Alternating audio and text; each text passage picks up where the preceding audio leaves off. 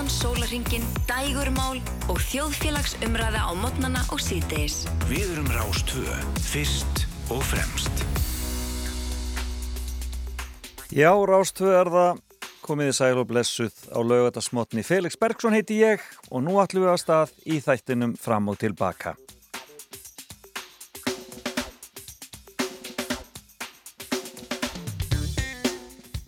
Já, það er blæsa okkur núna og uh, lagðirnar dinja á okkur eins og vera ber.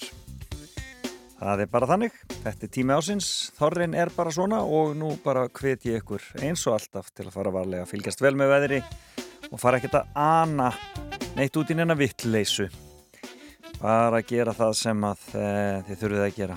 Ég var að koma frá Keflavík í morgun því að ég bara lendi frá Ameríku bara á, uh, í kringum sexleitið þöks í Æslandir sem að drifu sig til landsins til þess að sleppa við veðrið. Og um, það er, já, ber að þakka það. Það var þægilegt flug frá Washington DC tróðfull vél og fullt af Amerikunum að koma til að sjá Norðurljósin. Ég veit ekki hvað þeir sjá mikið á Norðurljósum. Að þessu sinni, kannski ekki þessu helgin að það gerist kannski eitthvað tján í vikunni við vonum það. En um, Það verður uh, viðbörðaríkur þáttur og mér ætla að taka því rólega hérna fyrir klukktímanum og svo fæ ég góðan gest klukka nýju. Það er engin önnur en Hrönn Greipsdóttir sem að uh, nú er uh, orðin framkvæmtastjóri hjá framkvæmtastjóri hjá Nýsköpunarsjóði Atunlýsins og hefur nú komið víða við í gegnum tíðina en hún ætlar að koma í fimmuna hjá okkur og hún ætlar að segja okkur af eh, já, einhverjum ævintýrum, fimm ævintýrum á Hotel Sögu þegar hún var þar. Ég held að þetta tengist ofinbjörnum heimsóknum en þetta kemur allt betur í ljósjöru eftir þegar Hrönn sest hjá mér. Laka mikið til að sjá þá góðu konu hér á eftir. En svo ætlum ég bara svona aðeins að kíkja það sem gerast á deginum og svona eh, spila tónlist tengt að því og svo auðvitað vera bara, já, á ljúfum nótum eins og alltaf. En við ætlum að byrja á lagi dagsins og er ekki ágætt að Um, já, að hugsa vestur. Múkisson gerði stórkáslegt lag í, á samnendir plötu sem er einn mest selda plata Íslandsögunar ef ekki svo mest selda, nei, hún er nú svona með þeim já, hún er svona þarna uppi í topp 5 öruglega Hagliel heitir hún. Og þetta er titillagið á vel við á þessum tíma. Og þarna er sungið um snjóflóðin fyrir vestan. Lánin skínin gluggan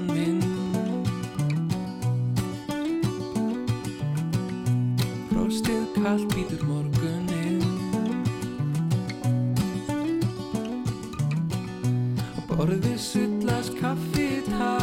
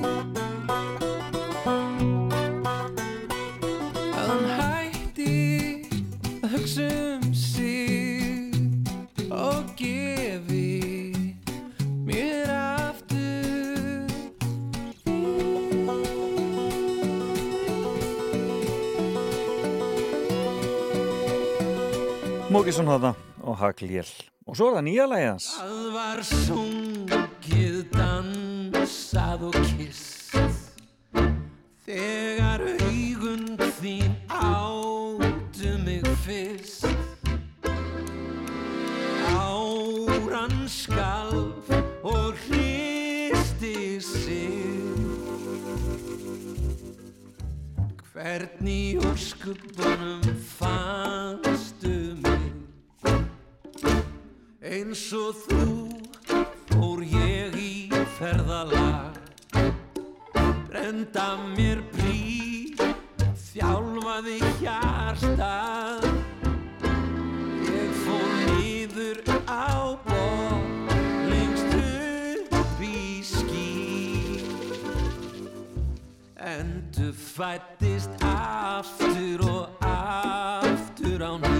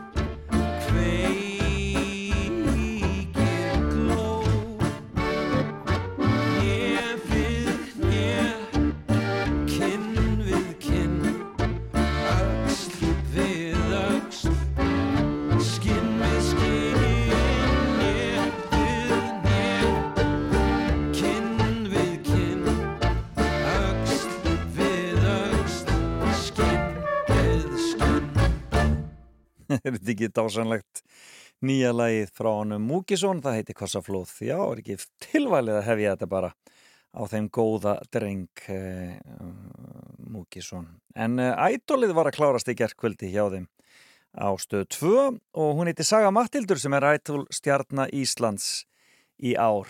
Og eh, þetta er gaman þetta var fymta þáttaröð náttúrulega búið langur tími sem síðast var síðast var Idol, það var síðast árið 2008-2009 En uh, Ædoli 2004 til 2005 færði okkur uh, uh, skemmtilegt par og fallegt sem að hefur glatt okkur síðan í tónlistinni Jón Ólússon og Hildur Vala. Þau kynntust um það leiti þegar hún varð Ædolstjarnar Íslands einmitt. Og við ekki að bara gera ráð fyrir því að afstæðiskenning ástarinnar fjalli einmitt um þessa fundið þeirra Hér er Jón Hólásson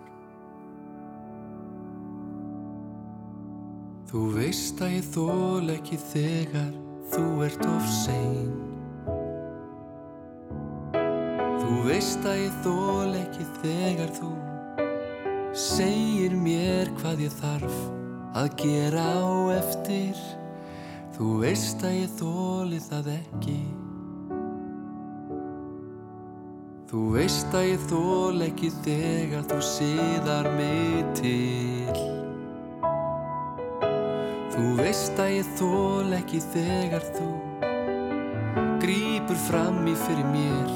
Þú veist að jafnvel og ég Að ég þóli það ekki. En ástinn breytir öllu Ástinn gerir kost úr lesti. Í ástum allt er afstætt. Því ástinn sagði mér Að ef þú ekki værir Værir eins og þú værir Þá værir það ekki svo sem ég Elska dag og Þú veist að ég þóli það vel að þú sért of sein. Og þú veist að ég þóli það vel að þú segir mér hvað ég á eftir að gera. Þú veist að ég þóli það alveg. Því ástinn breytir öllu Ástin gerir kost úr lesti.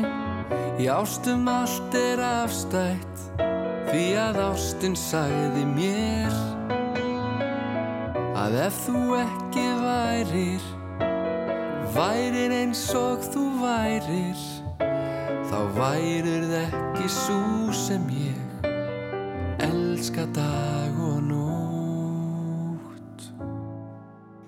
Þú veist að ég elska þig nógu Mikið til þess. Að geta þóla næstu því hvað sem er. Bara ef það kemur frá þér. Því að ég elska Ég elska að þóla það ekki. Því að ég elska Ég elska að þóla það ekki Þetta er ásanlegt Tekst þetta er Hallgrím Helgason, afstæðiskenning ástarinnar og já, kannski ekki beint að gerast þarna í ædolunu en svona kannski árið og eftir. En uh, Dolly Parton og Whitney Houston eru næstar, takið eftir og eftir hvenar hvor er að syngja. Beint úr efstaleitun í Reykjavík, fram og tilbaka á Rástvö.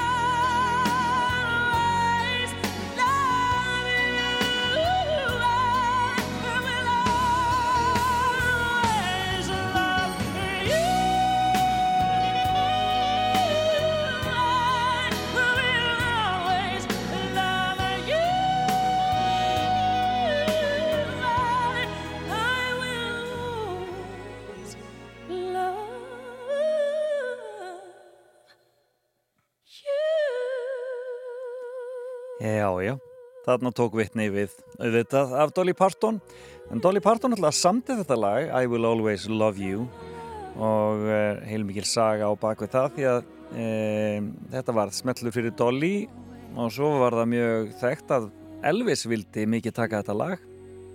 En uh, umbóðsmaðurinn fór fram á að hann fengi þá stóran hluta af höfundalönunum og Dolly sagði bara neittak, hún bara hafnaði Elvis og segir sjálf að henni finnst þetta glatað auðvitað hefði hún viljað að Elvis hefði sungið læðin þetta var bara prinsip, hún var ekki tilbúin að gefa eftir höfundaréttin og gott hjá henni því að síðan átti vittni Hjústónu stöðut eftir að taka læð og eins og Dolly orðar að sjálf gera mig ríka því að þetta er mest selta smáskífa, smáskífa konu nokkuð tíman í sögunni og auðvitað úr kveikmyndinni Bodyguard en ástæðan fyrir ég er að tala um þessar ágætu konur er að e, e, Whitney Elizabeth Houston lést á þessum degi fyrir 11 árum síðan 11. februar árið 2012 og vittni hjústenu þetta eh, einn all, ein allra vinsalasti pop tónustamæður sögunar hún byrjaði að gefa út kortnungað aldri en var búin byrjaði að syngja með móðu sinni Sissy Houston frængu sinni Diane Warwick og guðmóður Aritu Franklin korki meirinni minna. Og uh, þar að leiða það var nú eiginlega engin, engin, engin önnur leið fyrir hann að fara en að verða söngkona. Og mikil músik í kirkjunni og í kringum hana. En hún semst byrjaði að skrifa hundi sin fyrsta plötusamling 1983 og uh, platan kemur út árið 1985 og uh, var mest selda plata söngkonu í sögunni seldist í 24 miljónum eintaka platan hennar fyrsta. Eh, hétt bara einfallega eh, Whitney Houston. Og eh, þar var til dæmis eh, já, það, var, það var fullt af flottum lögum á þessari plötu. Og eh, á næstu plötu sem hétt eh, Whitney kom 87 var til dæmis þetta lag I Wanna Dance With, some, wanna dance with Somebody. Og, og það var alveg ótrúlegt. Og bara hvert lagið á fötur öðru fór á vinsaldilista en hún átti mjög erfitt líf. Uh, erfið tjónaband við Bobby Brown uh, annan tónlistamann. Og ég ætla ekki að reykja þá sögu allar saman sem er hrikalega sorgleg. Þannig að eru kvikmyndir núna gerðar um hana og uh, ný myndum hana komin í bíó og svo auðvitað heimildamindir, frábærar heimildamindir sem voru gerðar en hún lést sem sagt allt og allt og hún varði ekki 50 lést hann 11. februar 2012 þá 49 ára gömul. Eh, en eh, minningarna lifir í tónlistinni og eh, hér er eitt sem er alltaf í miklu uppáhald hjá mér. My Love Is Your Love og við sendum ást til Whitney Houston hvar sem hún er stött í heiminn geiminum If tomorrow is judgment day Sing, mommy And I'm standing on the front line. And the Lord asks me what I did with my life I will say I spent it with you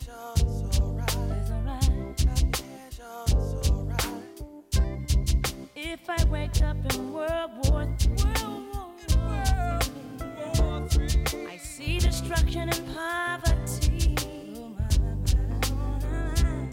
and I feel like I wanna go home.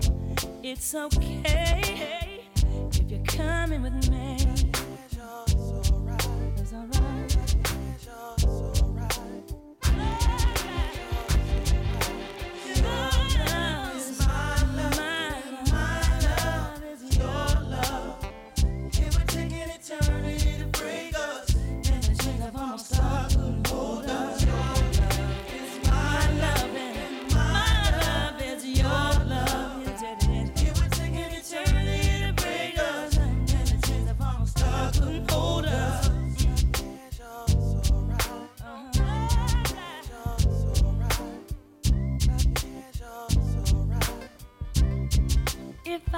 My fame and fortune, really don't matter. And I'm homeless on the street, on the street, Lord, Lord. And I'm sleeping in Grand Central Station. It's okay if you're sleeping with me.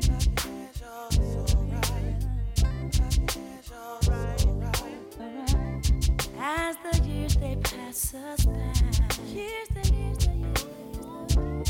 we stay young through each other's eyes. And no matter how we get on, it's okay as long as I got you, baby. Your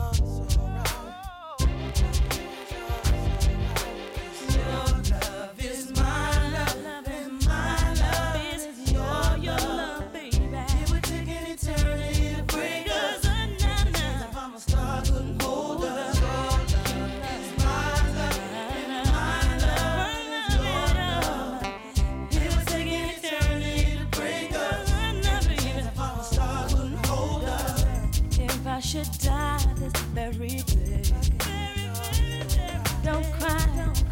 cause on earth we wasn't meant to stay. And no matter what the people say, really don't matter. I've been waiting for you after the judgment day.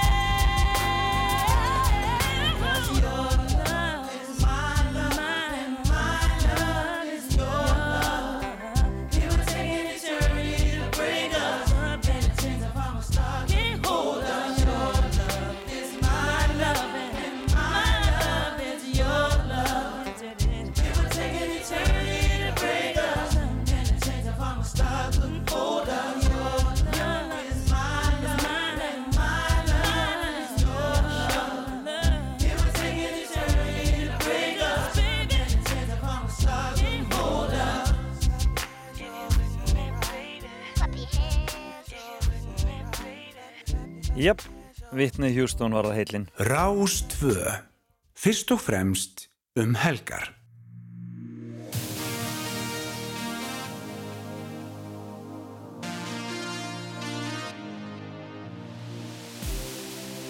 Did you listen to my breath?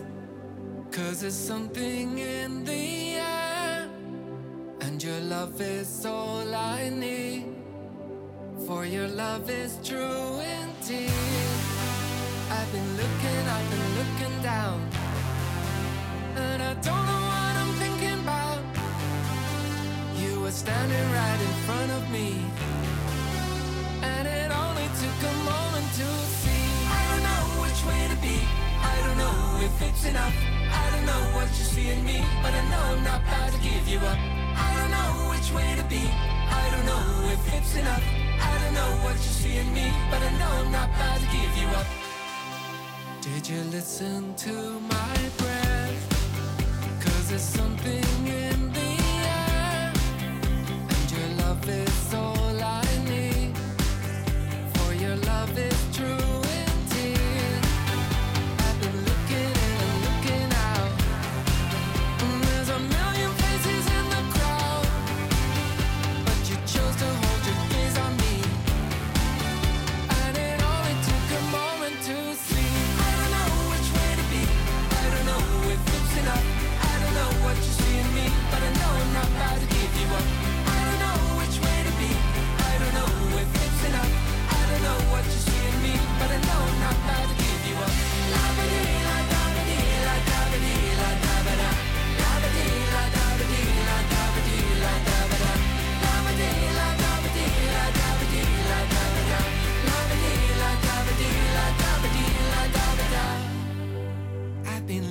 up and looking down.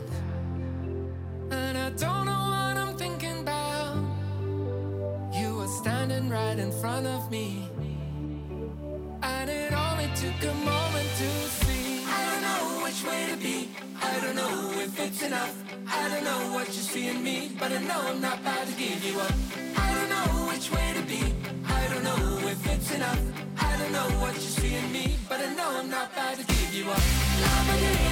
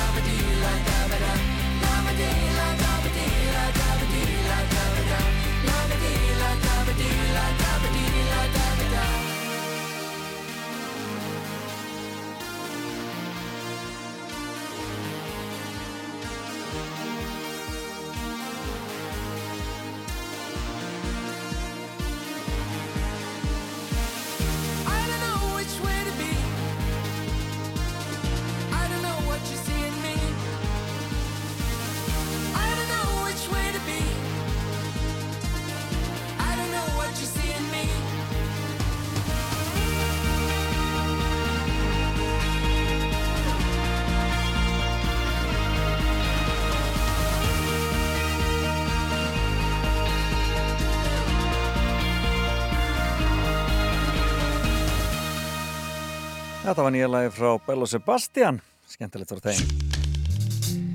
Og hérna er lag sem er ekkert sérstaklega nýtt, en alltaf gaman að heyra. Og það tengist einum sem kemur við sögu hér og eftir þegar við tölum um það sem gerðist á deginum.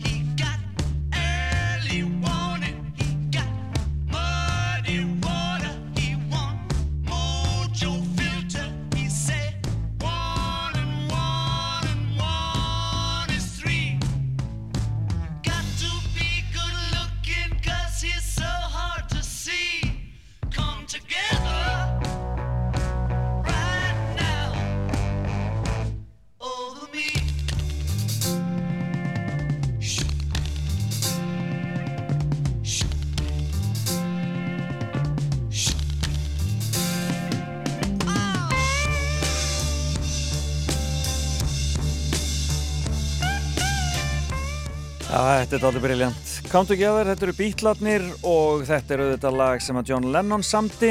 Þetta er frá 1969, þetta ágæta lag og uh, var auðvitað uh, á uh, plötunni Abbey Road. En uh, John Lennon kemur við sögu þegar að tala um það sem gerist á deginum.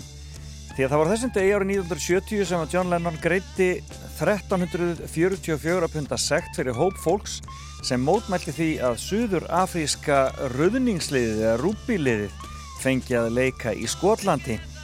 Já, þetta var mikil barátt á þessum tíma. Já, það var verið að berjast gegn aðskiljaðastefnun í Suður Afríku strax að árið 1970 og það átt eftir að taka langan tíma áður en tókst að reka þá ömulegu stjórnmálastefnu af höndum Suður Afríkumanna en e, þetta var svona eitt af því sem gerðist og það var semst fólk sem mótmælti, fekk sagt og það var John Lennon sem borgaði sektina. E, en talandi um e, vonda stjórnarhætti þá var á þessum degi árið 1979 sem Khomeini tók formlega við völdum í Íran og það er nú verið að berjast gegn honum enn þann dag í dag og hans mönnum. Það er annar mál Hýð Íslenska bókmyndarafélag var stopnaði Reykjavík á þessum degi árið 1906 og réttarhöldin yfir Adolf Eichmann þau hófust í Jérúsalem árið 1961. Síðan er hér eh, mjög merkileg, eh, merkileg staðreind en árið 1978 á þessum degi aflétti allþýðu líðveldi Kína banni á bókum Aristotelesar, William Shakespeare og Charles Dickens. Já, hvers konar eh, hvers konar stjórnar hætti þarf til að banna bækur Aristotelesar, William Shakespeare og Charles Dickens? Þetta er náttúrulega bara algjörlega mólíkjöndu svona er þetta. 20 kíló humar veitistu Nova Scotia á þessum degi í 77 það er nú skemmtilegt. Og kveimdinn Brekkokott Sannál var frumsýnd í ríkisúttarpinu á þessum degi árið 1973 ég held að ég muni nú bara dálítið eftir því Eh, Margaret Thatcher var kjörinn formaða breska íhalsflokksins á þessum degi 1975 og eh, Nelson Mandela því við vorum að tala um Suður Afríku eh, áðan 20 árum eftir að eh, John Lennon barðist í því að eh, barðist gegn Suður Afríku stjórn. Þá var Nelson Mandela sleftu fangilsi árið 1990 eftir að hafa verið pólitísku fangi í 27 ár. Hugsa ykkur það, ótrúlegt og svo er alltaf þessar dásamlegu fréttir hérna inn á Wikipedia. Þessar íslensku, sér íslensku fréttir frá uh, uh, deginum. En haldið ykkur fast turnin á Smáratorki var opnaður á þessum degi árið 2008 ég veit ekki hvort að uh, Lennon hefur þótt á nokkuð sérstaklega merkilegt en uh, þannig var það. Og við skulum fá annað lag með John Lennon hann er næstur á dagskrá og byttu nú við eitthvað er þetta nú eitthvað ekki að gerast hérna hjá mér við skulum fá þetta hérna upp og kýlum þetta hér og líkur þar með umfjöldunum það sem gerist á precious. Together we have grown. We have grown. Although our love is still special. Let's take a chance and fly away somewhere alone. It's been too long since we took the time. No one's to blame. I know time flies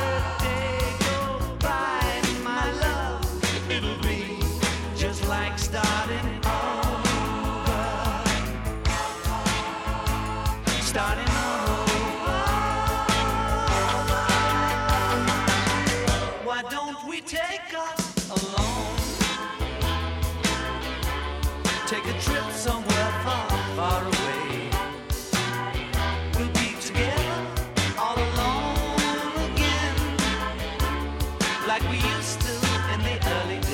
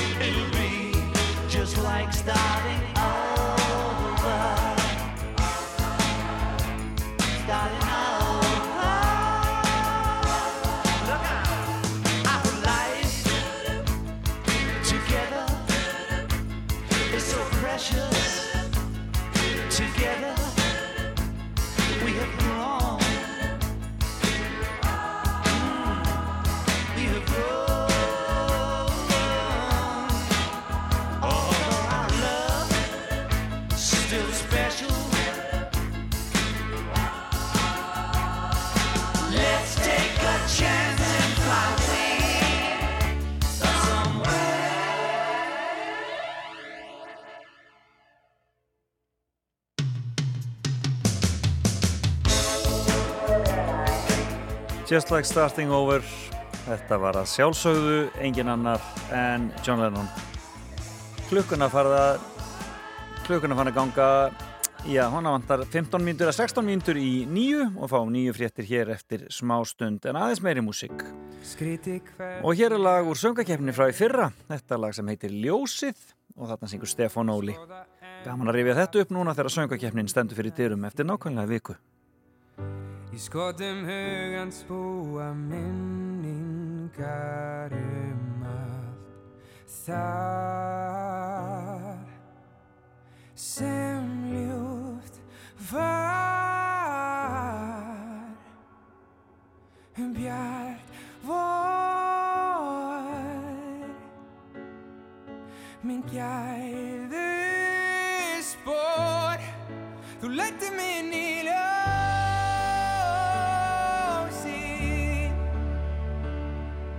hvað lífið dafnar alltaf best. Þú þráðir alla til ljósi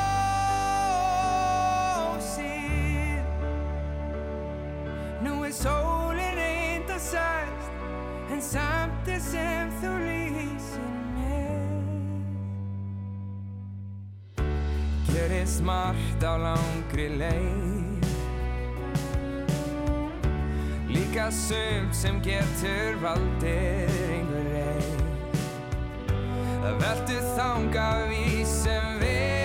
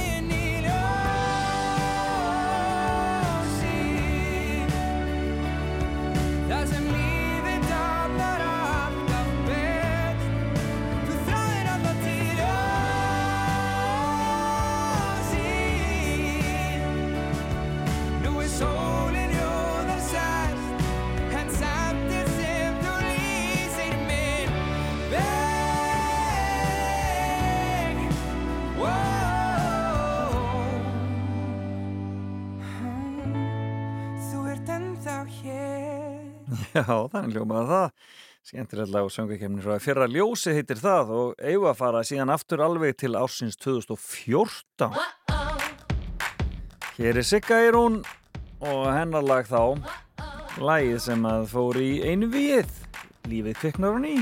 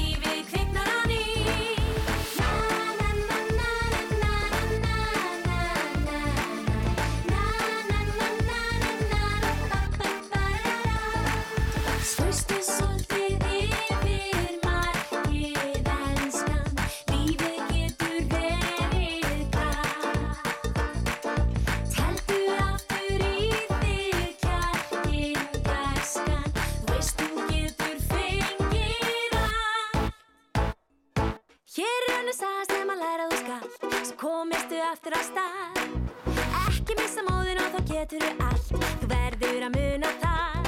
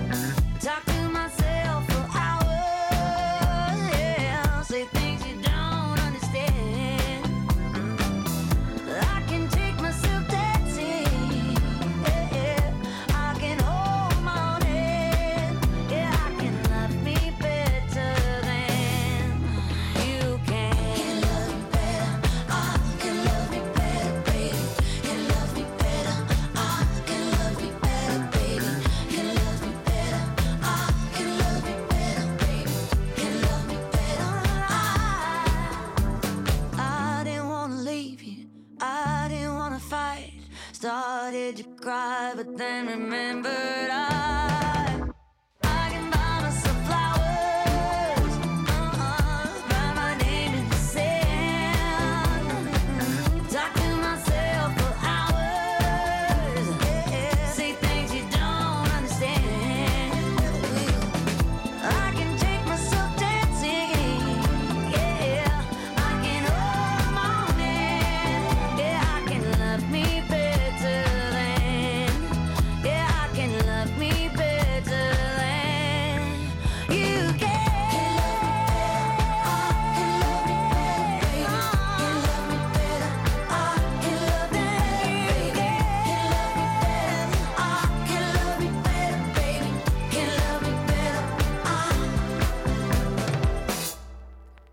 Hvorki meirinu minna en vinsarasta lag heimsins í augnablíkinu Flowers þarna og þetta var Miley Cyrus og auðvitað spilum við það hér á Rástöðu líka.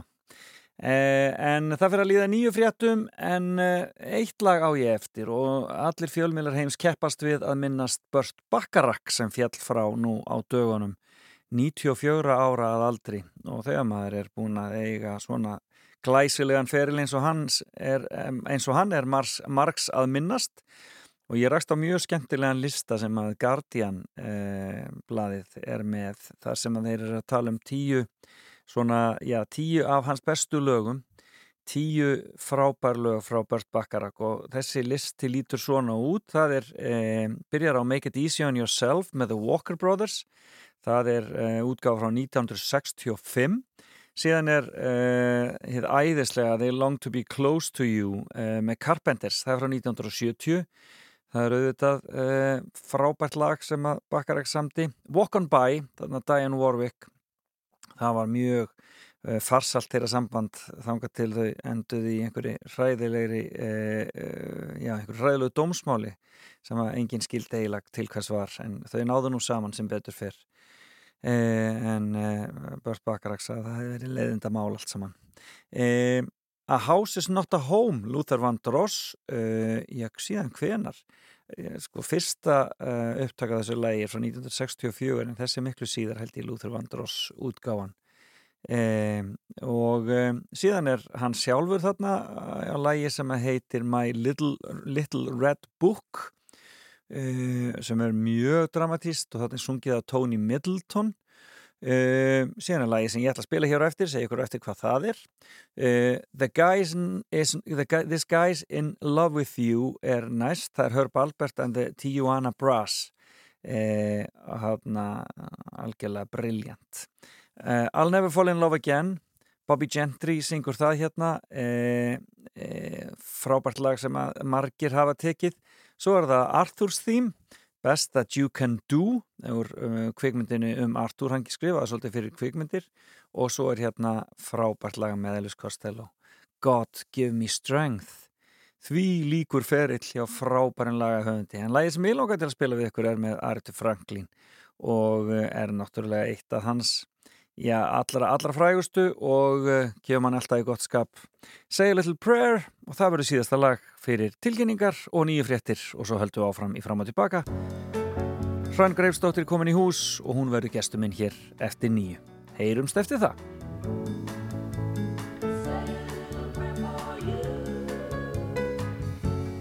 Moment I wake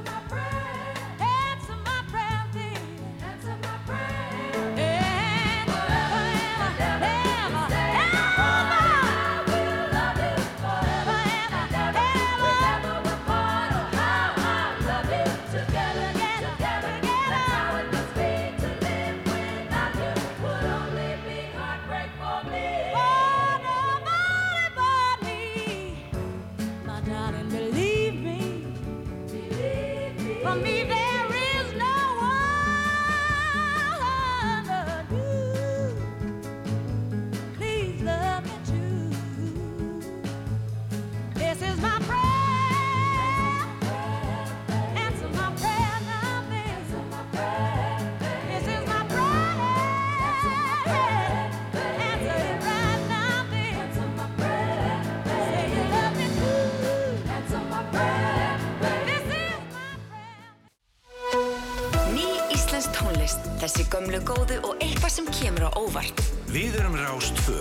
Fyrst og fremst.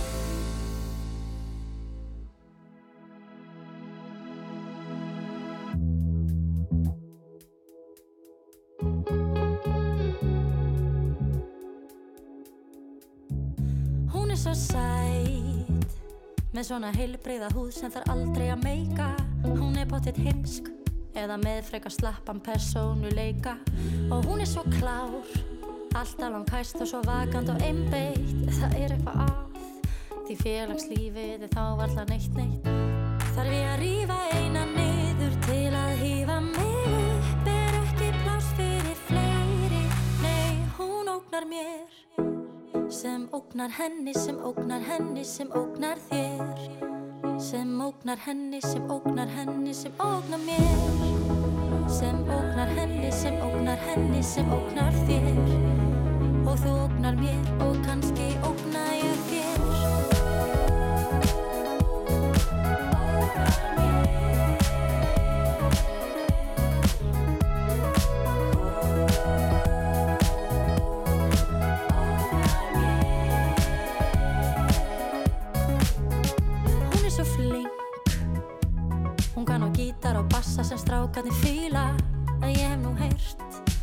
sé svolítið erfitt við hana að díla. Og hún er svo snjöll Allir hlusta og hlæja þegar hún opnar munnin. En eftir tvö ár verður fræðarsól hennar eflaust úr brunnin Þar ég að rífa eina niður til að hífa mig upp Er ekki pláss fyrir fleiri. Og til að hrífa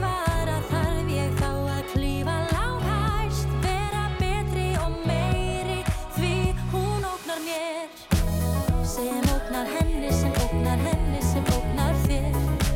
Sem ógnar henni, sem ógnar henni, sem ógnar mér. Sem ógnar henni, sem ógnar henni, sem ógnar þér. Og þú ógnar mér og kannski ógna ég þér. En er það að segja um aðra stelpu að hún sé sæt og klár og frábær eins og að auðsa vatni og brunni með takmörkuðu vatni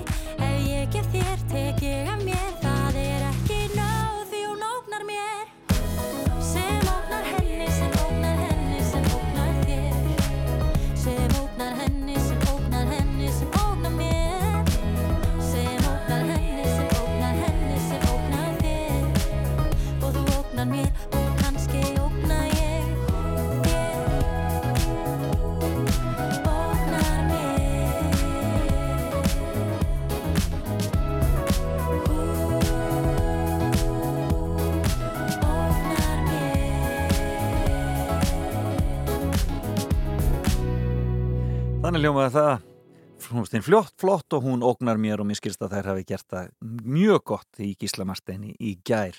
Já, komið sæl aftur, Felix Bergson heiti ég og þetta er þátturinn fram og tilbaka og við erum búin að hafa það hugulegt í morgun og ætlum að hafa það hugulegt áfram. Góður gestur sestur hjá mér og ætlar að fara að rappa hér eftir smástund það er Hrönn Greipsdóttir, framkvæmtastjóri Nýsköpnastjóðs atvinnulífsins og fyrirvænandi hótelstjóri og hótelsögu og við ætlum að ræða fimm endurminningar úr starfinu hennar þar og þar gekk nú ímislegt á í gegnum tíðina. En við ætlum að fá eitt lag viðbjótt árum við hrönn byrjum að spjalla og eigum ekki að leifa Stevie Wonder eiga það. Þetta er alltaf klassíst, Sir það og svo förum við að kíkja á fimmunennar hrannar.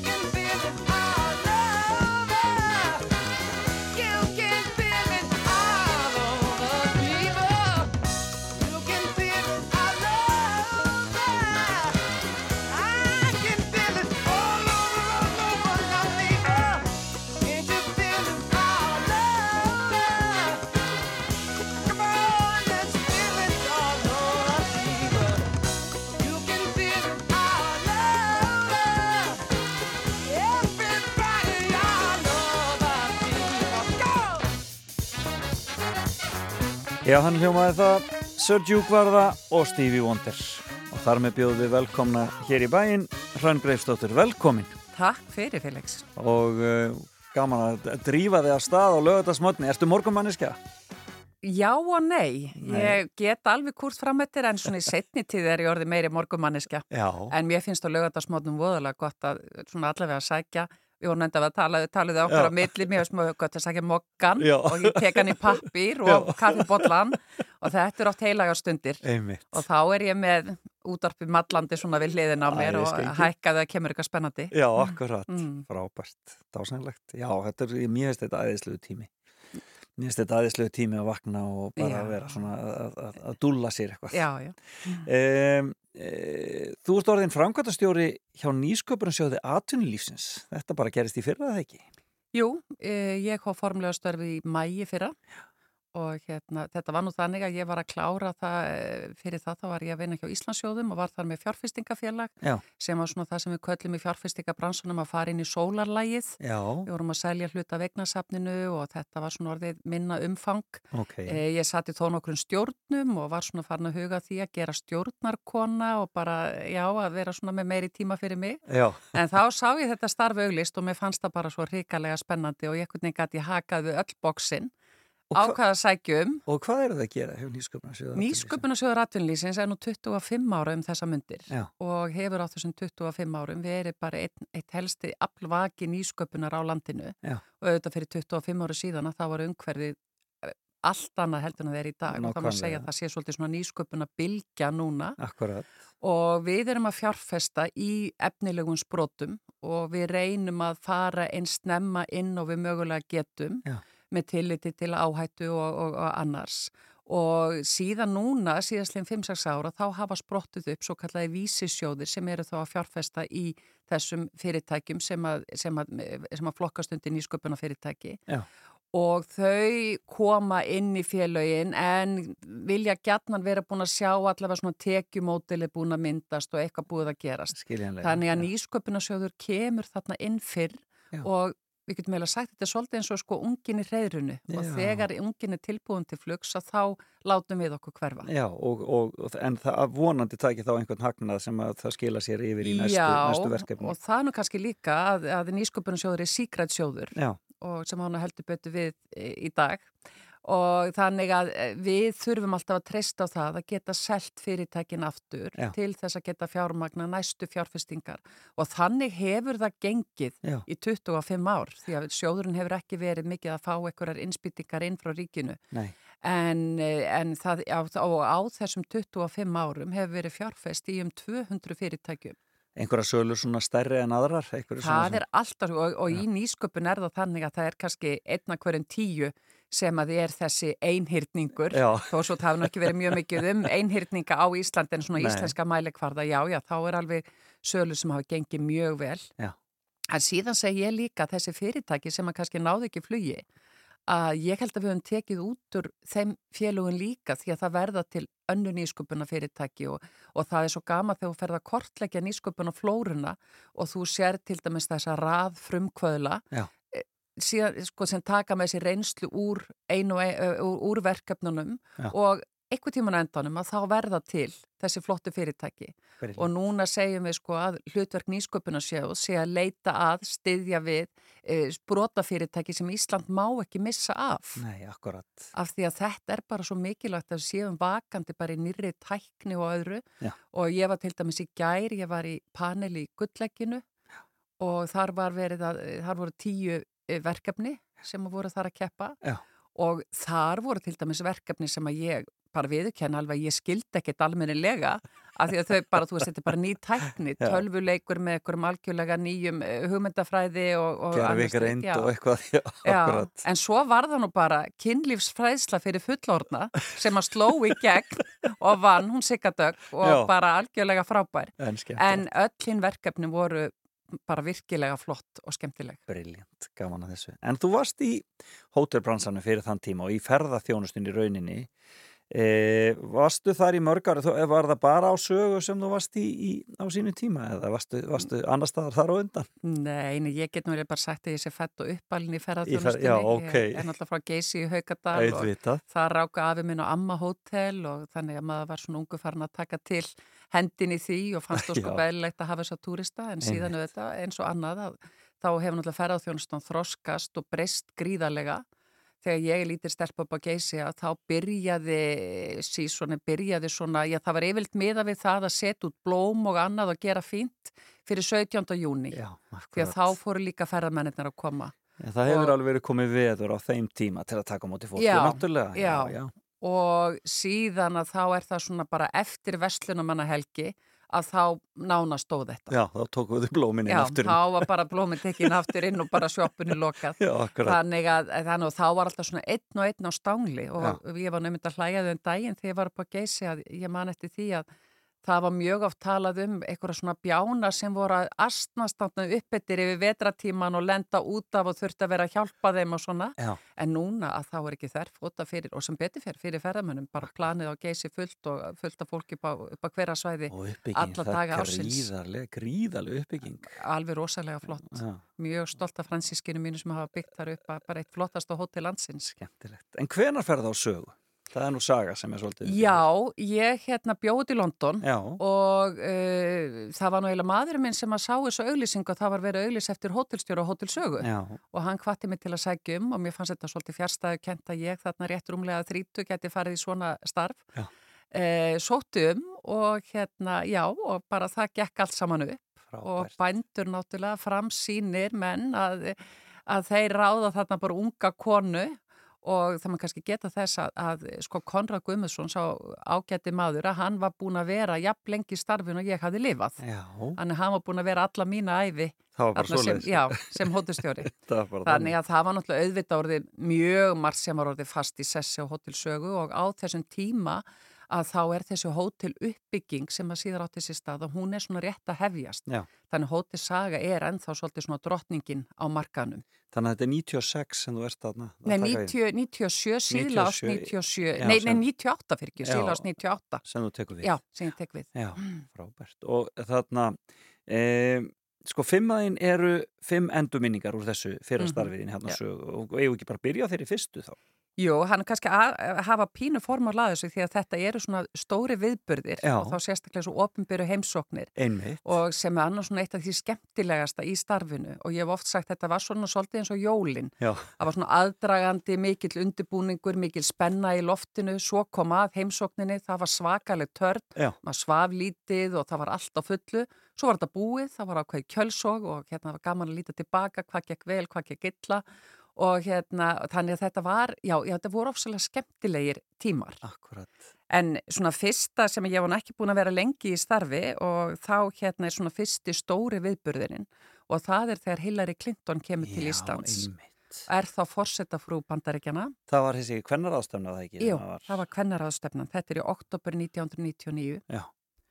Og eins og týttur um svona stórar heimsóknir að þá hófst undirbúningu löngu áður. Auðvitað fórseta frúin að Já, koma. og við fengum til okkar eh, sko, sendinemdi gegnum bandaríska sendiráðið og það var CIA var mætt á svæðið og, og mér var sagt eftir á Hotel Saga hefði orðið fyrir valinu ekki síst út af því að þeim fann svona öryggiskeslan, það veri einföldasta öryggiskeslan þar. Já. Hotel Saga stendur náttúrulega svolítið einangru frá öðrum byggingum, er í Vesturbænum, uh, svona íbúðakverfi, tiltúlega rólegt, auðvelt aðgengi, auðvelt að stýra uh, aðgengi að húsinu. Já. Þannig að hérna, þeim leist vel á þetta. Já. Þannig að þeir tóku sögu. Tóku sögu og ekki nóg með það sko, það voru þetta, ég held að Hillary Clinton hafi gist hérna tværnættur en þeir keftu sko allt hótelið í þrjárnættur. Það var bara þannig. Og ég, svona að því ég fór aðeins í að grubla smá í þessu gera, þá fann ég út af því að þetta voru sko fjórar miljónir sem að borga fyrir nóttina, 12 miljónir fyrir, fyrir þetta og þetta var bara það sem held ég bara rettaði því sem eftir var af árinu. Já, þetta já, var rosalega stór bytti.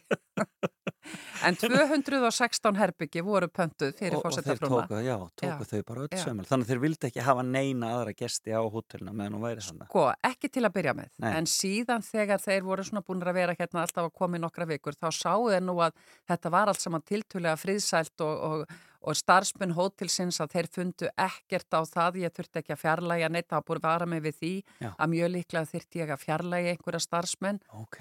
og hérna var ég bara vegna tengsla við einhver sem svo fundi þeir bara út af því að þetta voru allt saman bara friðsælir íslendingar, allir ofan og sveitið eitthvað, þannig að það var, þannig að það, það þurfti ekki sem betur fer Já. og þá vildu þau nú fara að skila helmingnum af herbyggjum. Já, vildu bara hafa, eh, sko, vildu bara hótelið. Hótelið. En við náðum samkomulagi um það að við tókum nokkur herbyggi sölu og við sem sagt dróum þau herbergi frá sem við seldum sem voru ekkit rosalega mörg. Nei, er ekki. Því að þetta er á þeim tíma sem að sko vetratúrismin bara er ekkit komin í neitt gang. Og hittur kellu? Herðu við hittum kellu, já, já, já, hún mætti og bara síðan þá hef ég verið diggur aðdáandi. Já. hún hún var svo sjarmerandi og flott og, og, og, og hérna var náttúrulega bara einstaklega alþýðlega í alla staði. Mhm. Og ég fylgdi henni náttúrulega og maður gerði alltaf með þessi í sem opuru heimsóknu, fylgdi henni upp á svítu og Já. Ég þurfti náttúrulega að afsaka fyrir henn á leiðinu upp að það væri pínu málingarlikt inn í svítunni því að það náttúrulega var á síðustu stundu verið að aðeins að, að, að púsla og, og allt í nú sást ykkur rispa og það þurfti að laga hana. Ætli þessi fólki finnst ekki bara málingarlikt vera eðlilega líkt? Heyri, það var bara nákvæmlega sem hún sagði, hún sagði, veistu það, það er alltaf málingarlikt í herbyggjum sem ég gist í. Þannig að það var nú málið. Þannig En það. það var líka gaman að, eh, sko, því að hún var svo alþýðlega, hún var alveg, að sko lífverðinni voru alveg að fara á taugum yfir Já, henni. já. Því að hún, eins og þeir sem muna eftir þessum tíma, þá ákvað hún allt í hennu að lappa niður laugavegin. Já. Fór henni Bernhard Lagstall og kefti sér eh, kápu og, og svo kom hún inn á sögu og þá vildi hún bara setjast niður í andirinu og fá sér Einmitt. og þetta var ekkit inn í planinu. Nei, akkurat. Og svo endaði hann á því sem ég fannst vera alveg sérlega fallegt og til eftir breytni að hún let kalla allt starfsfólkið fram þegar, að þegar hún fór Já. og tók í höndin á öllum og það eru nokkri sem eiga mynd af sér þar sem að þeir eru að kveðja Hillary Clinton. Það er dásanlegt. Já. Já, þannig að hún hefur verið góður gestur. Hún var mjög góður gestur. En var hún, en var hún með svolítið einhver, eitthvað antoras, var svolítið mikið af fólki með henni, svona uh, ritarar og eitthvað svoleiðis? Já, já, það var meira að segja sagt á þessum tíma að, að sko ef þetta hefði verið fórsetina þá hefðu við ekki átt nógu mikið af er hótelherbyggjum. því að fylgdalið er alveg gríðarlega mikið. Já, En mér er til dæmis eh, eitt sem að, hérna, ég man eftir að, að, að hún, sko, það voru alltaf maturislumenn og svoleið sem ferðuðust með henni, Mhm. en eftir að undirbúningsnefndin komst hérna að því að bara íslensku matur væri mjög góður, þetta var mjög háum gæðaklassa, að þá var það allir með spara skorið í burtu. þannig að hún borðaði bara á grillinu. sem sagt. Já, hún bara borðaði sinn og fekk bara sinn morgumat þar og, Já, og hérna, einmitt. Þannig að það, þannig að fylgdaliði var, þetta var miklu fámennara fylgdalið heldur en við áttum vona á í upphafi Einmitt. og oft er það nú þannig að þetta er blásið rosalega út í upphafi en svo verður þetta svona kannski minna úr þessu þegar á hólminni komið. En sastu þessa hvenna ráðstefnu þarna, þarna 99? Já, það er nú oft þannig að svo var mann oft bóðið í einhverja svona viðburði tengdum þessum ofnbyrju heimsóknum en auðvitað að þá er bara mikið að gera stóri heimili Auðvitað. þegar þú ert með svona fullta gestum Já.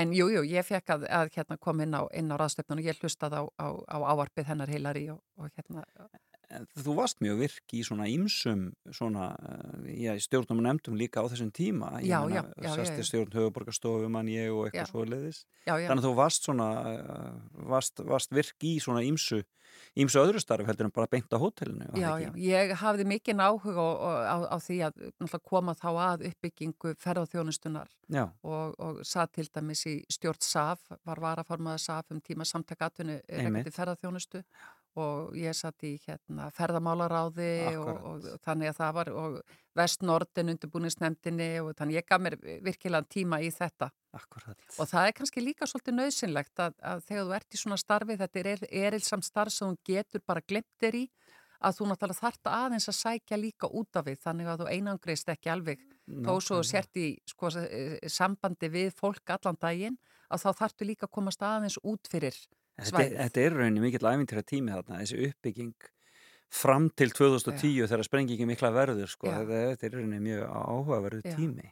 Þetta er, Því að það var verið að undibúa í rauninni eitthvað sem að myndi koma og svo bara kom það aðeins hraðar en mann kannski byggust við. já, já, já, já, bæði hraðar og einhvern veginn fyrr. Já. Ég man eftir því að við í Safi heldum ársfundurinn okkar hafði einhvern tíman yfirskriftina hvenar verða hérna miljón ferðamenn og okkur bara fannst að vera það, það, það var ára týjir Það voru framtíðamúsík. Já, bara framtíða músík og var svona verið að veltaði fyrir sér hvernig við ætluðum að taka móti miljón ferðamennum Svo gerast það bara árið eftir svo bara gerist það nokkrum árum setna hmm.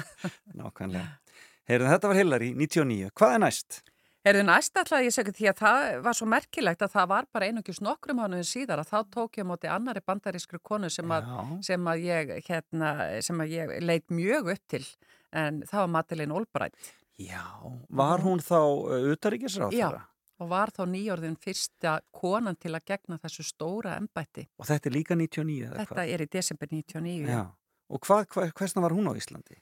Hún kom hérna til að ræða við Haldur Áskunnsson heitin sem var þá uh, hérna uh, Utanríkisráðherra. utanríkisráðherra. Já. Þau voru að ræða um sko NATO og, og, og, og ég, ma, mann líka það voru þá okkur ófriður í Tjetsinníu sem þau voru eitthvað að um og, og hérna það, já, þau voru bara svona hittast og hvort, jú, ég held þetta hafi nú verið í bóði ríkistjórnarna sem hún komingað. Já, og, en það hefur ekki þurft að loka hótelinu þá. Nei, það þurfti ekki að loka hótelinu en þetta var svolítið öðruvísi heimsókn og það var búið að segja mig það að Madelin Olbrat veri og hún var vist mjög vinnusum kona Einmitt. og það fylgdi henni eh, starfslið sem að var eh, sko í vinnu allan sólarhingin Já. Og það sem var óvanlegt þarna við þurftum að taka heila hæð og breyta í skrifstofur því að hún var með sko, það var mið Östurlanda skrifstofan og, og það var Evrópu skrifstofan, það var Bandaríkja Og þetta tekur nú bara allt með sér á ferðalagið. Já, þetta tók hún allt með sér á ferðalagið og þannig náttúrulega kannski fjarskipta búnaður aðeins með öðrum hætti. Já. Þannig að það voru tæknimenn að setja upp þessar skrifstofur, setja upp bæði fagstæki sem voru á þeim tíma og síma sko. Og, og hérna og svo manni líka það voru sko þurft að setja sjónvarskjái því að þau þurft að fylgjast með fréttum Auðvitað. og þetta var svakalega framönd að labba eftir hótelganginum og þarna var bara starfsemi allan sólarhingin, allt á fullu. Já, hérna hér. Hittur um Madeleine. Ég hitti Madeleine og hérna Menn tala voða fallið um Já, mér fannst það alveg bara það svona, það svona einhvern veginn skein af þessari konu, bara eitthvað svona mildi og, og, og, og, og náttúrulega öruglega gríðarlega gáur líka, hún hérna, Það mögnu saga, hún er, er hann ekki að euroskum uppruna, var hann ekki tjekki Jú, eða eitthvað slíkt jú, og, kemur í stríðinu bara. svo hafði hún einhvern veginn líka þetta svona útlit að þú svona, hún, hún, hún, hún, hún, hún leiti eitthvað svo tröst út. Já. Þetta var svona soldið eins og bara amman sem þú vildi líka eiga. Já, svolítið amma heimsins. Já. En Já. svo var líka, það var einmitt þetta að, að hérna, það var sagt að hún var mjög vinnusum Já. Og hérna sló ekki slöku við. Og það þurfti að útbúa litla sé, skrifstofu, sé skrifstofu fyrir hana, fyrir framan Mhm, svítuna. mhm. Og þanga vildi hún líka fá svona, hérna, fyrir sig brauðrist og brauð og svona uh, viðbytt og alls Já. konar því að það var vist mjög gætna þannig að, að hún satt fram eftir og fekk sér þá te og ristabrauð og var svona með sjálfri sér örgulega að skrifa ræður eða, eða, eða, fara yfir fréttir eða annað. Já, hérna hér. Já.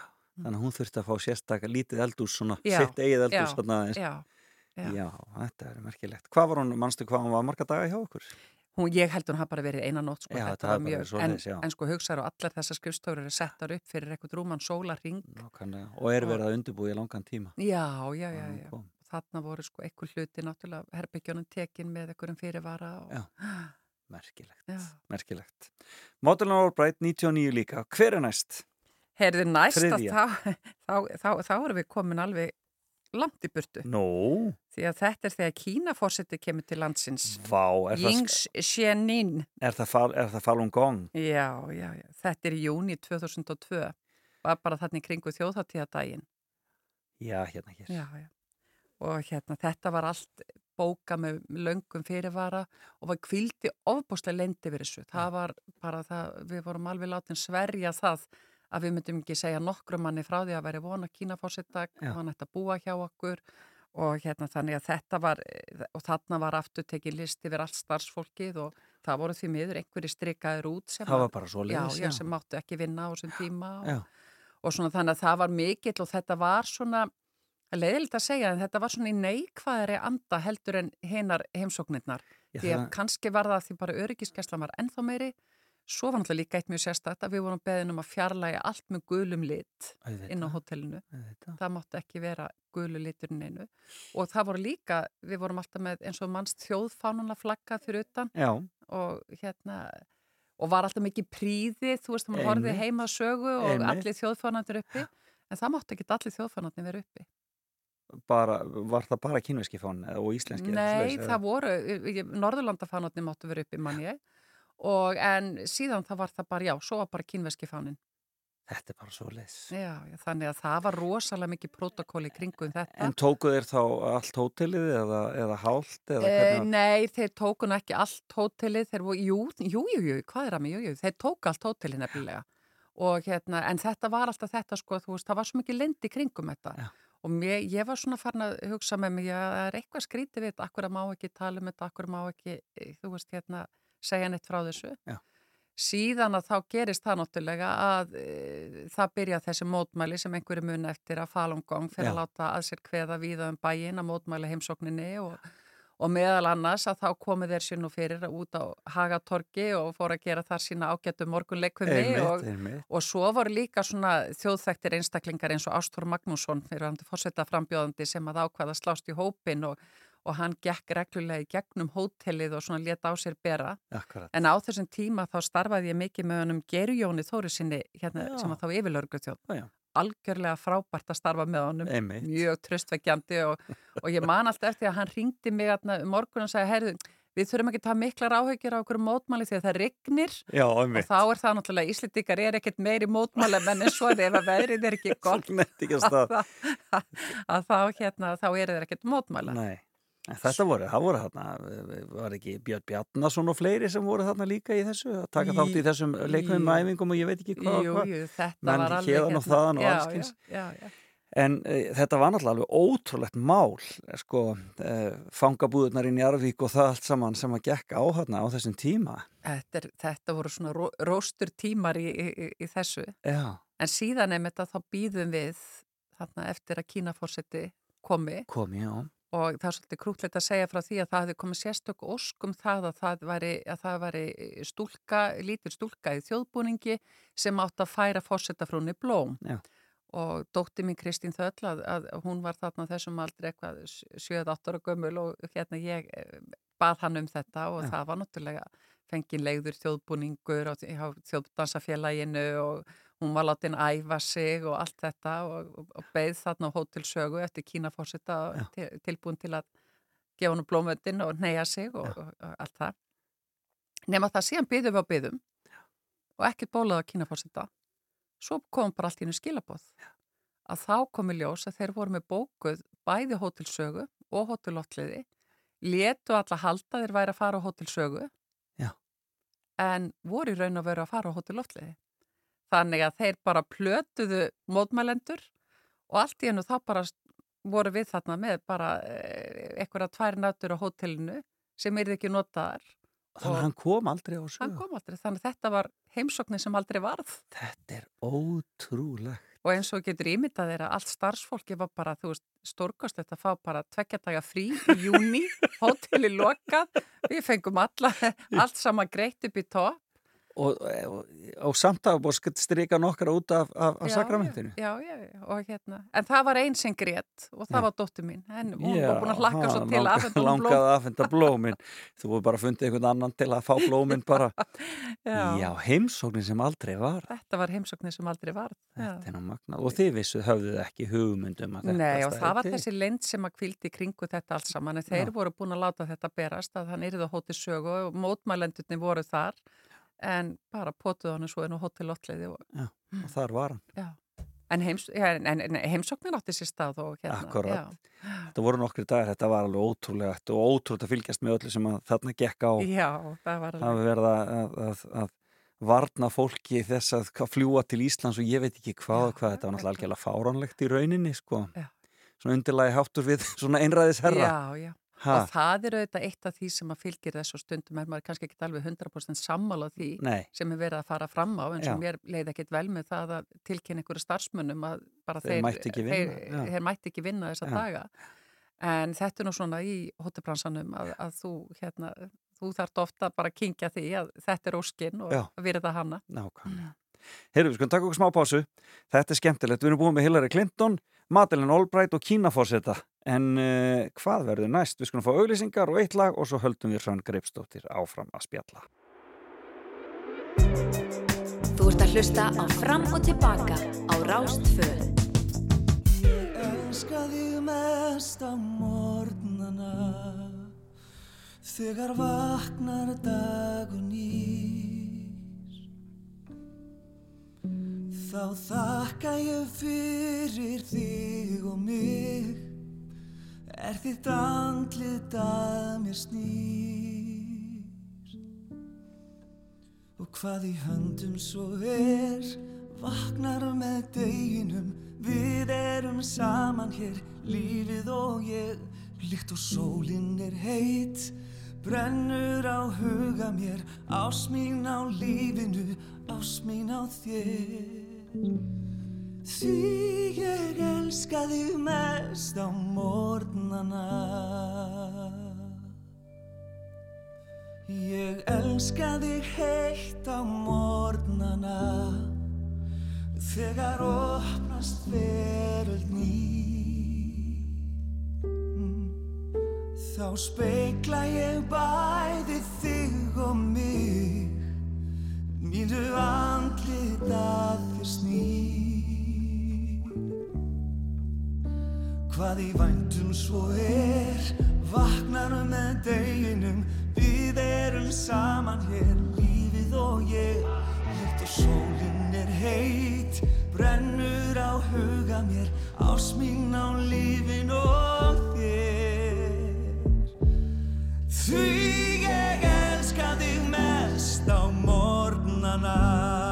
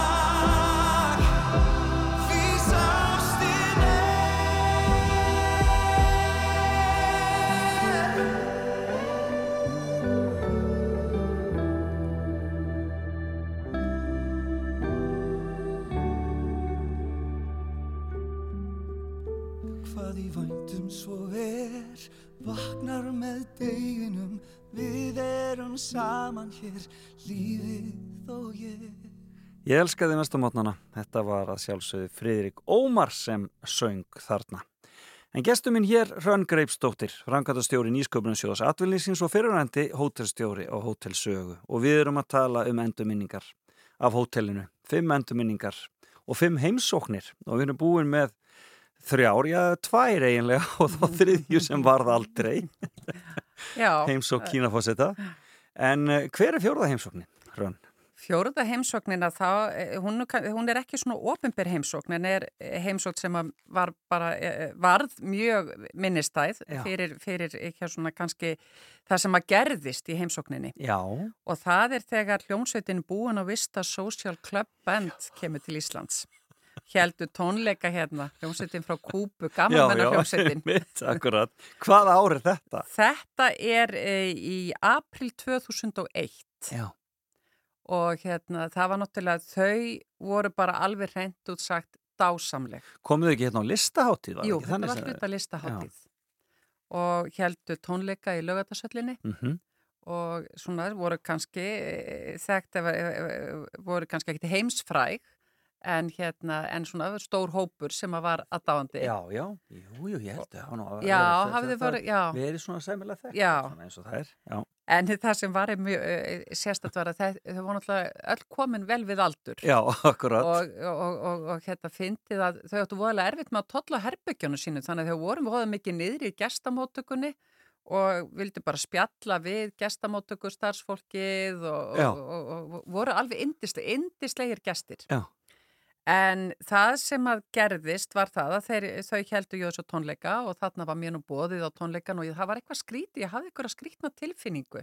Þannig ég ákvað nú að fara ekkert all in eins og maður segir og var bara mjög pen og proper og, og, og enda lóttilega eins og oft með, með fullt hótel að gestum og, og hérna svo er ég bara rétt ný komin heim og rétt ný sopnuð og þá ringir hjá mig síminn Já. og mér er tilkynnt að þessi kviknaði í hótelinu. Og þetta er bara eitt af því allra versta sem nokkur hótelstjóri upplifir að það sé bruni á hótelinu. Já, hérna. Þannig að ég hendist að stað og bjónu sem betur fer, ekki langt frá. Já. Þannig að ég var komin á örskamri stundu og þarna upphofst þetta að ná öllu fólki út úr herbyggjum og, og, og, og hérna, beina því á þartilgera neyðarstaði og slökkuleiði kom og þetta var bara svona martraðar nótt en sem betur fer að þá náðu svona fljótt að slökkva eldin, hann var inn í búnaðaþingsal og var staðbundin og þarna var hjá okkur öryggisvörður sem að vann algjört afreg því að hann fór sjálfur fyrst inn og byrjaði að slökkva. En hvað hafði gerst þá? Já, það var náttúrulega það sem hafði gerst að, að hérna, hann, hann sæði það mjög fljótt öryggisverðin og hann hafði á tilfinninguna að það hefði ykkur annar verið inn í salnum þegar hann var að slökkva. Og það sem síðar kom í ljós að þarna var bara ungur maður, bandarísku maður og ferð með föðu sínum, mikill aðdáandi búin að vista já, og hann hafði orðið svona inspireraður eftir tónleikana að hún er bara dætt í huga kveiki í hótelinu. Og þá kom náttúrulega ljós að þetta var nú ekki fyrsta skipta, hann var semst svona pírómann Já, hérna, hér. og þetta það náttúrulega hófst mikil rannsók þarna strax og það bendist mjög fljótt eh, sko einhvern veginn að því að þetta væri ykkur hótelgestur sem hefði kveikt í og Já. það var byrjað að, þetta var svona svolítið eins og lögguminn, Já, það var byrjað að yfirheyra gesti og annað og en allavega þá hérna var það svo endanum pappin sem að mætti til lauruglunar og sagði frá því að sonur hans hefði sem sagt gert þetta áður og hann hefði komið e, hérna inn um nóttina og hann hefði fundið reykjarlikt Af honum. af Já, honum. já. Þannig að svona meiri reykjarlikt heldur en heldur en hérna hefði verið af, af, af öðrum sem byggðu þarna úti. Wow. Þannig hann saði frá þessu og, og hérna síðan að þá uh, voru þeir á leið til bandaríkjana og ég hef nú svona alltaf grunu það að hann hafi svona vísvitandi verið látin sleppa í gegn en það var vist tekið á mótonum í Í heimalandinu. bandaríkjunum. Já, og tekin einmitt. þar. Já, og tekin þar, já. En þetta er svolítið merkilegt að sko því að þetta tengdist allt því að þessi maður að hann, eða þessi hótelgestur, að hann var þarna á tónleikunum. Já, var aðdándi þessar Var hljómsveitar og- aðdándi og þessar eftir og var bara svona, En var svona í því að kveiki í svona á milli. já, var svona í því að kveiki og, Eh, og og- fær þessa, fær þessa löngun eftir tónleikana. Já, hérna, hérna. En hvernig, hvernig fór þetta? Þetta fór sem betur fer eh, vel.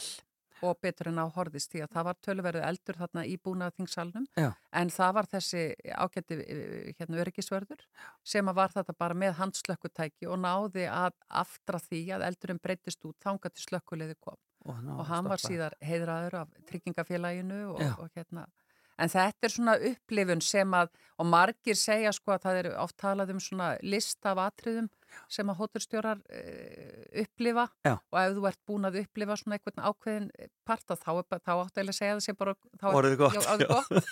Og og, þar á meðal er, er bruni á hótelinu því að eðlilega þá er þetta alveg skelvilegt að fá svona, fá svona símtal Þetta er ríkalegt sko. En þú fóst semst ekki á tónleikana Jú, bara... ég fór á fórst- tónleikana já.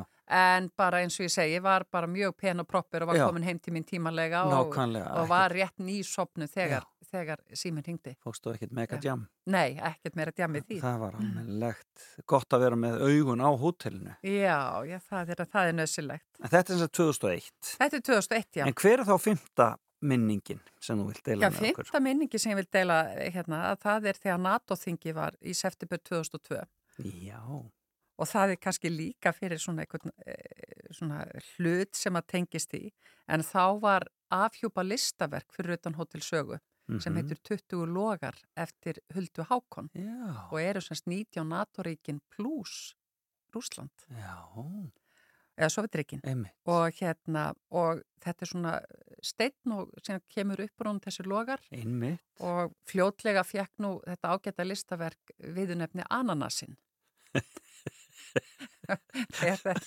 hann er eins og ananas og þetta er líklega bara það listaverk sem hefur hloti hvað verst að útreið af öllu listaverkum á, á Íslandi kannski fyrir utan hafmeginu sem var sprengt í loftu Já, En því að það er búið að hella málingu við að það er búið að fremja alls konar hérna, skemdaverk á þessu, á þessu ágætta listaverki. Og var það gert strax þarna á þessum náttúfundi þarna 2002? Já, já, já, já, já, Byrjaði var bara strax, bara, bara það, var náttúrulega mótmæli. Eh, menn vildi ekki sjá þetta listaverk Já.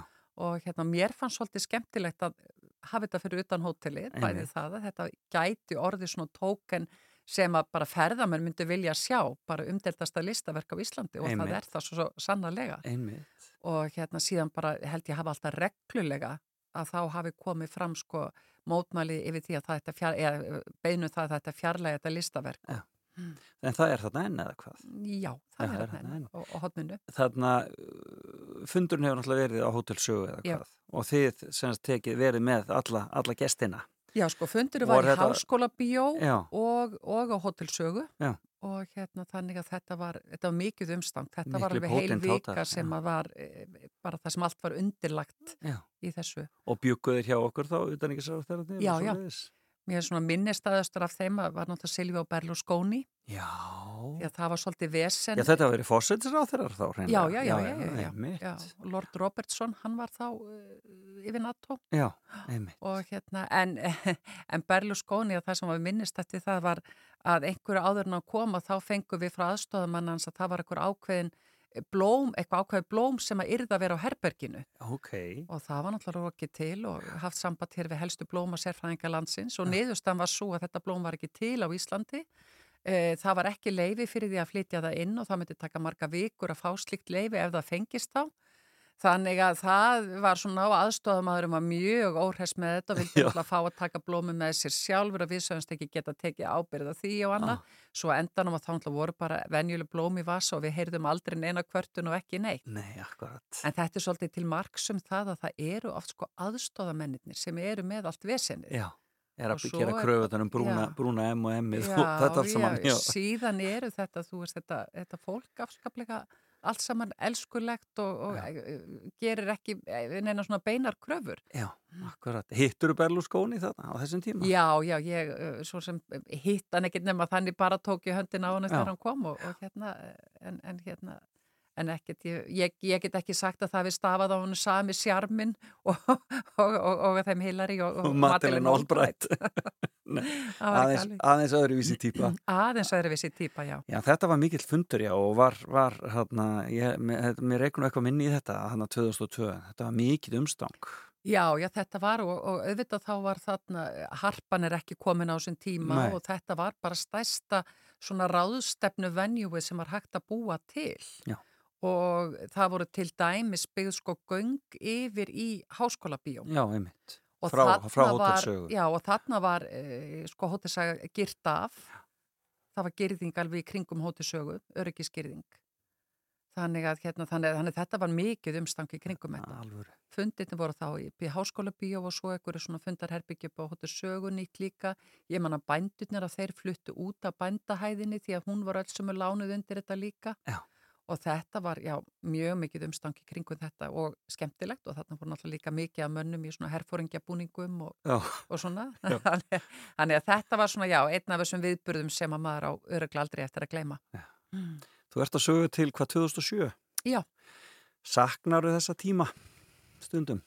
Sko, mér erst ofbærslega gaman að eiga þessar endurminningar og mér erst ég vera mjög rík að sko geta farið í svona minningabanka og ég var sem betur fer góða vini frá þessum tíma líka og við getum hist og við getum hleyðið okkur máttlega stundum á svona alls konar Já. uppákomum sem hafa komið upp, upp í gegnum tíðina. Eh, Hótustjórastarfið er óbáslega skemmtilegt og þú þarf náttúrulega að vera, ef þú er stemdur í það, þetta er mikið svona eh, mannleg samskipti og, og óvæntar uppákomur og allt það. Mig langaði þarna 2007 að ég, ég er mentuð í fjármálum Já. og mér langaði svolítið að fara eh, einhvern veginn meira inn í þann geira. Já. Þannig ég skellti mér í fjármálageran svona korti fyrir hrun Já, akkurat. og tók hrunið. Já, tókst hrunið í fjármálageranum, akkurat. Já, og hef verið þar síðan en alltaf, ég hef alltaf haft einhver tengsl inn í hótelin, bæði náttúrulega bara í gegnum mínar æskustöðvar Já.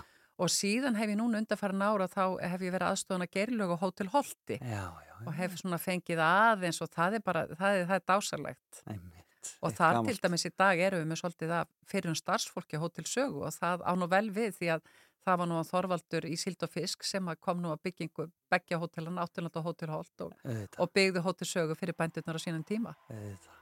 En svona alveg í lokin áður en ég sett so, eh, bú, so, eh, hana, hana, social club, hérna, búin að vista social club af stað. Hvernig finnst þér að sjá hótelsögu verða að, að uh, stúdendagörðum og uh, húsnæði fyrir Háskóla Íslands? Ég er bara mjög ánað með hótelsögu og ég ákvað það að, að, hérna, að, að ég ætlaði að taka þessum breytingu fagnandi og ég, mér finnst flott að hótelsaga sjórðin hluti af háskólabyggingunum. Það var alltaf verið mjög náið samstarf við háskólan Mhm. og mér finnst bara frábært að fá ungt og fríst fólkarninn og fyrir okkur vesturbæingana þá verður þarna veitingarstaður og bar og annað og við getum hist þar. Dásanlegt. Frank Greifsdóttir, kæra þakki fyrir komin í fram og tilbaka. Takk fyrir mig.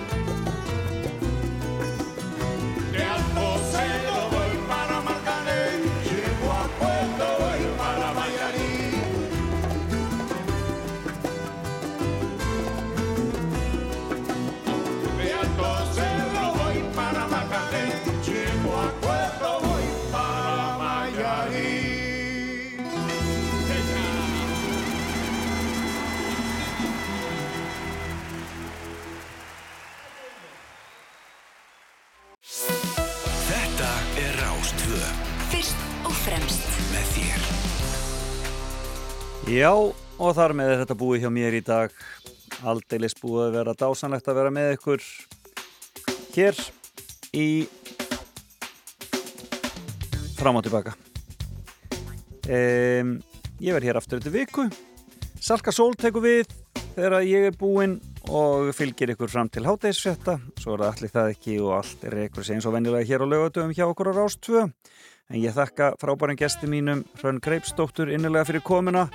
Hún sagði okkur að fimm endurminningum úr starfi sínu á Hótel Sögu. Við komum þarna við þegar Hillary Clinton kom í heimsók Madeleine Albright, Kínafossinn Jiang Xianin eða heimsóknin sem aldrei varð búin að vista Social Club og Brunin Mikli og svo NATO-fundurinn 2002 þegar Berlusconi mætti og fekk ekki blómið sem hann vildi fá inn í herbyggi skemmtilega sögur og þetta má ég allt, getið allt fundið inn á samfélagsmiðlum eftir að, þegar þetta er búið. En ég þakka fyrir í dag og hlaka til að vera með okkur eftir ykkur viku.